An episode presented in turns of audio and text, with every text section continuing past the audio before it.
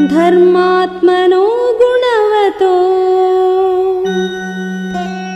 लोके रामस्य धीमतः वृत्तं कथय धीरस्य। यथा ते नारदाच्छ्रुतम्।